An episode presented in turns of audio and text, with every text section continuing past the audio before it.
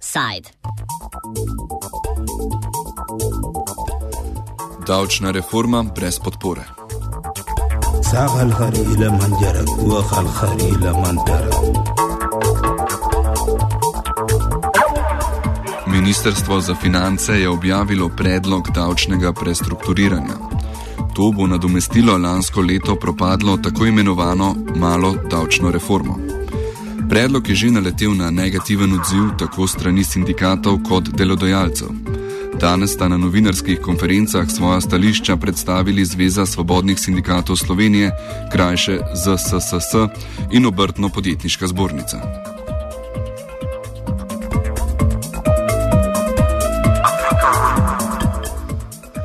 Predlog predvideva tri ukrepe. Prvi je uvedba novega dohodninskega razreda med drugim in tretjim razredom. Hkrati bi znižali davčni stopni za najvišja dohodninska razreda, torej četrtega in petega. Osebam z dohodki med 45 in 70 tisoč evrov bi se tako davčna stopnja znižala z trenutnih 41 na 39 odstotkov, osebam z dohodki nad 70 tisoč evrov pa z trenutnih 50 na 47 odstotkov. Novi dohodninski razred bi veljal za osebe z dohodki med 20 in 45 tisoč evrov in bi bil obremenjen z 34 odstotno davčno stopnjo.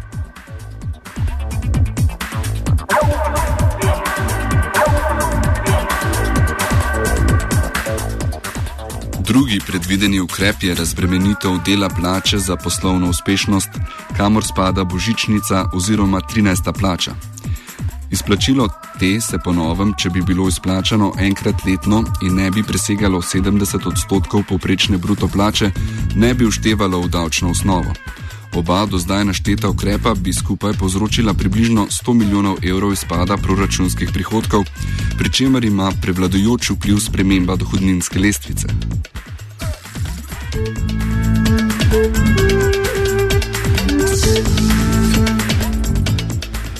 Ta izpad bi vlada vsaj deloma v višini približno 60 milijonov evrov nadomestila s tretjim predvidenim ukrepom.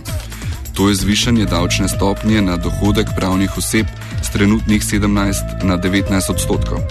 Čeprav je davčna stopnja nominalno 17 odstotna, pa je v realnosti z upoštevanjem davčnih olajšav le nekaj čez 11 odstotna.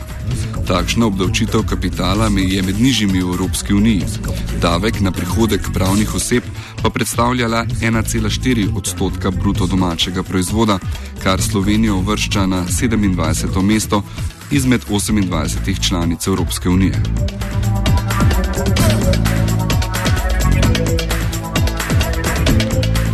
V zvezi svobodnih sindikatov so na predlog davčnega prestrukturiranja podali več pripomb. Prva se nanaša na davčno razbremenitev najbogatejših. Obrazloži Andreja Poje, izvršna sekretarka za davčno politiko. Prvo je vprašanje, koga dejansko in v resnici eh, ministrstvo razbremenjuje. Eh, pripravljeni so izračuni, iz katerih se lepo vidi, da se razbremenjuje najbogatejše, da ne gre za davčno prestrukturiranje, ampak gre za zlorabo davčne reforme za povišanje plač najbogatejših.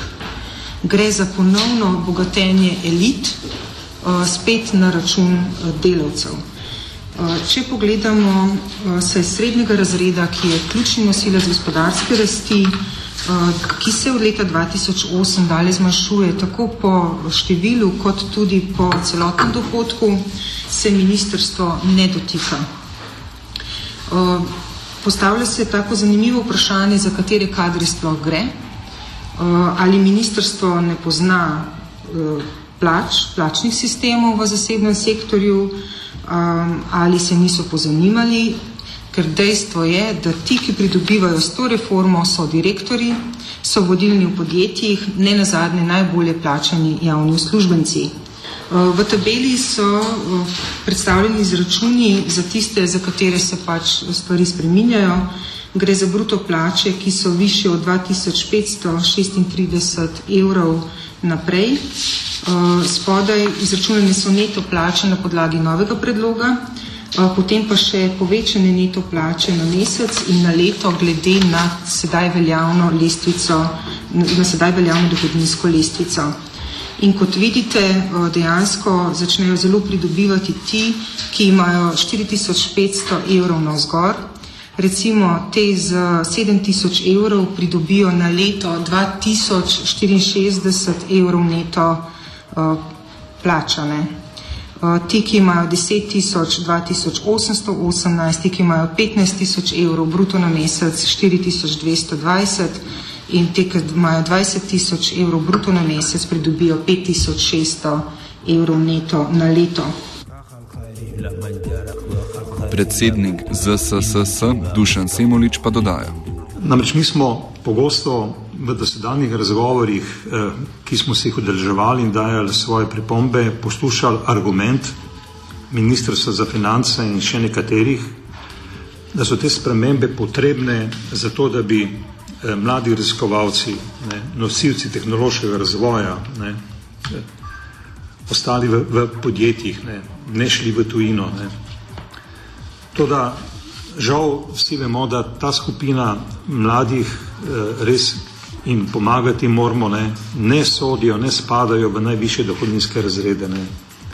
Sklicevanje na to skupino zaposlenih je preprosto alibi za to, da bo, bodo počeli tisto, kar nameravajo iz teh predlogov. Zniževanje dohodninskega razreda iz 50 na 47 odstotkov bo res pridobil največ, najbogatejši del te, te družbe. Naslednja kritika, ki so jo podali sindikati, se nanaša na problematiko obdavčitve tistih z minimalno plačo. Zaradi uveljavitve zakona o minimalni plači, ki je dodatke izuzel iz minimalne plače, namreč delavec, ki prejema dodatke, izpade iz nekaterih olajšav.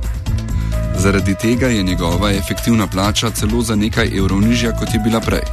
Več Andreja poje.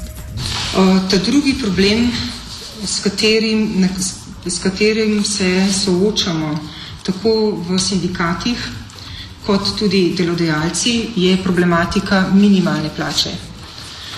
V lanskem letu smo uspešno spremenili zakon o minimalni plači, s katerim smo odpravili krivico, torej to krivico, da so vsi zaposleni, ne glede na to, v kakšnih pogojih dela so delali, na koncu meseca prijeli enako bruto plačo. Izločili smo dodatke za nočno, nedeljsko in praznično delo. Sedaj pa že takrat v času samega te spremenjene zakone smo upozarjali na to, da bo potrebno spremeniti tudi lestvico za dohodnino oziroma olajšave. Um, pripravila sem vam, sprintala sem vam to zahtevo, ki je bila poslana tudi ministrstvu, uh, v katerem je pripravljen prav izračun nekega posameznika, uh, ki je zaposlen v dejavnosti trgovine, ki dela po noči in ob nedeljah, um, ima regres za letni dopust v višini 910 evrov, um, za nočno delo prejema 39 evrov dodatka, vendar pa zaradi tega, ker na letni ravni preseže cenzus za najvišjo olajšavo, um, se mu neto plača zniža. In če je pred spremembo zakona o dohodnini, ko je znašala bruto plača 790 evrov, prijel 604 evre neto, sedaj, ko prejema 829 evrov bruto, njegova neto plača znaša le še 601 evrov. Torej, z izločitvijo dodatkov, ker ne pripada več najvišja olešava, se neto plača teh zaposlenih dejansko še zniža. Ne? Sindikati so zahtevali ureditev tega problema in pripravili predlog rešitve, a jih Ministrstvo za finance ni uslišalo. Zaradi tega smo tako Zveza svobodnih sindikatov kot vse ostale sindikalne centrale zahtevali, da se ta meja um, tega skupnega letnega dohodka, pri katerem je posameznik še upravičen do najvišje olajšave, prestavi iz 10.866 na 11.635. Um, odprava te anomalije bi pomenila zgolj 12,5 milijonov evra, vendar pa očitno neke pripravljenosti za odpravo te krivičnosti, a ne za te ljudi, ki delajo v težkih pogojih dela, na ministrstvu ni videti. V ministrstvu so sicer zapisali, da se zavedajo težav, Eh, da se zavedajo, kakšni so problemi, ki so nastali zaradi izločitve dodatka za nočno nedeljsko praznično, vendar pa je to z njihove strani vse.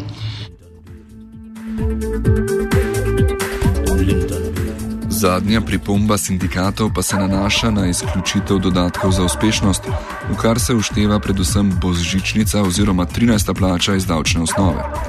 To potezo sicer pozdravljajo, a jih moti dikcija, ki pravi, da morajo biti kriteriji za izplačilo dogovorjeni s splošnim aktom delodajalca. Splošni akt delodajalca namreč ne sme urejati pravic, ki so predmet kolektivne pogodbe, med katere spada tudi izplačilo za poslovno uspešnost, razen če v podjetju ni sindikata. Predlog tako predstavlja nerazumevanje socialnega dialoga, ki se je pokazal tudi prejšnji teden ob prekinitvi vladnih pogajanj s sindikati javnega sektorja. Razloži poje. Ena ključnih naših zahtev je bila razbremenitev božičnice oziroma 13. plače. Uh, tukaj moramo reči, da ministrstvo sledi naši, našem predlogu, vendar pa spet uh, po našem mnenju na popolnoma neprimeren način. Um, dejstvo je namreč, da predlog pravi, da se um, ta dohodek, za katerega bo veljala posebna davčna obravnava, se opredeli kot del plače za poslovno uspešnost po zakonu, ki ureja delovna razmerja, ki bi bil izplačan enkrat v koledarskem letu vsem upravičenim delavcem hkrati, če so del plače za poslovno uspešnost in kriterij za njeno izplačilo dogovoreni s splošnim aktom delodajalca. In na ta način dejansko ministrstvo um, zanemarja dejstvo, da so pravice in obveznosti iz delovnega razmerja, torej plače, kriterij za letni dopust, regres in vse ostalo, da se ureja s podjetniško kolektivno pogodbo, da se ureja to bipartitno za socialnim dialogom, da uh, to dogovorita sindikat ali več sindikatov in poslovodni organ.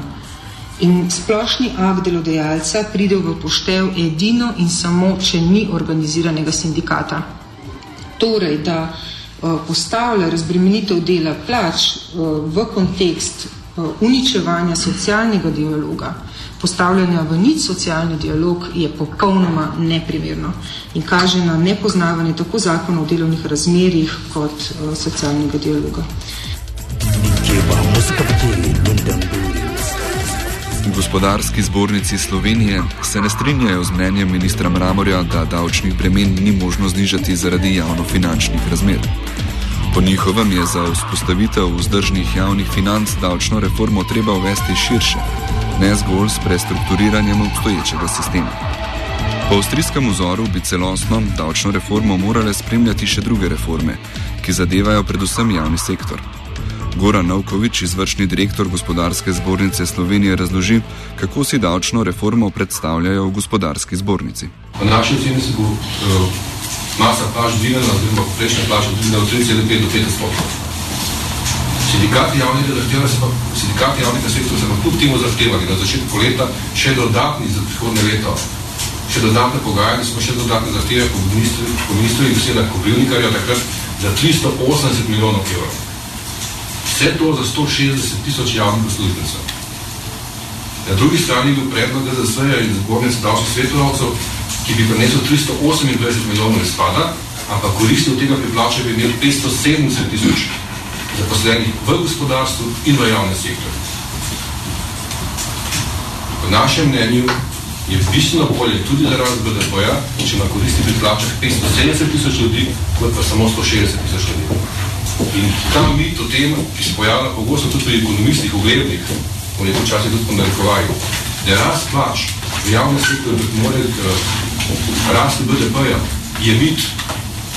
Bistveno bolje bi bilo, če bi uvedel alternativo, resno davčno reformo, ki bi zvišala leto plače mnogo širšemu krogu ljudi in to bi bistveno bolj povečalo rast BDP-ja v državi. Zato se sprašujemo, ali dela vlada korist samo, korist samo enega dela družbe, ali pa bo končno začela razmišljati o tem, da bo bolj pošteno razdelila učinke gospodarske rasti na širše populacije. Pošteno bi bilo, da odpravimo te nepravične razlike tudi v javnem sektorju.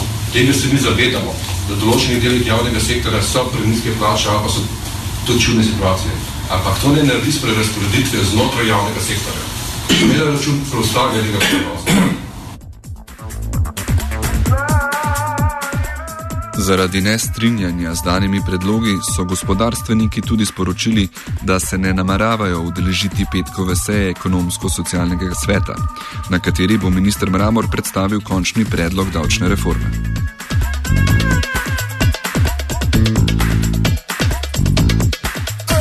Offside sta pripravila Twitter in Vajenka Sara.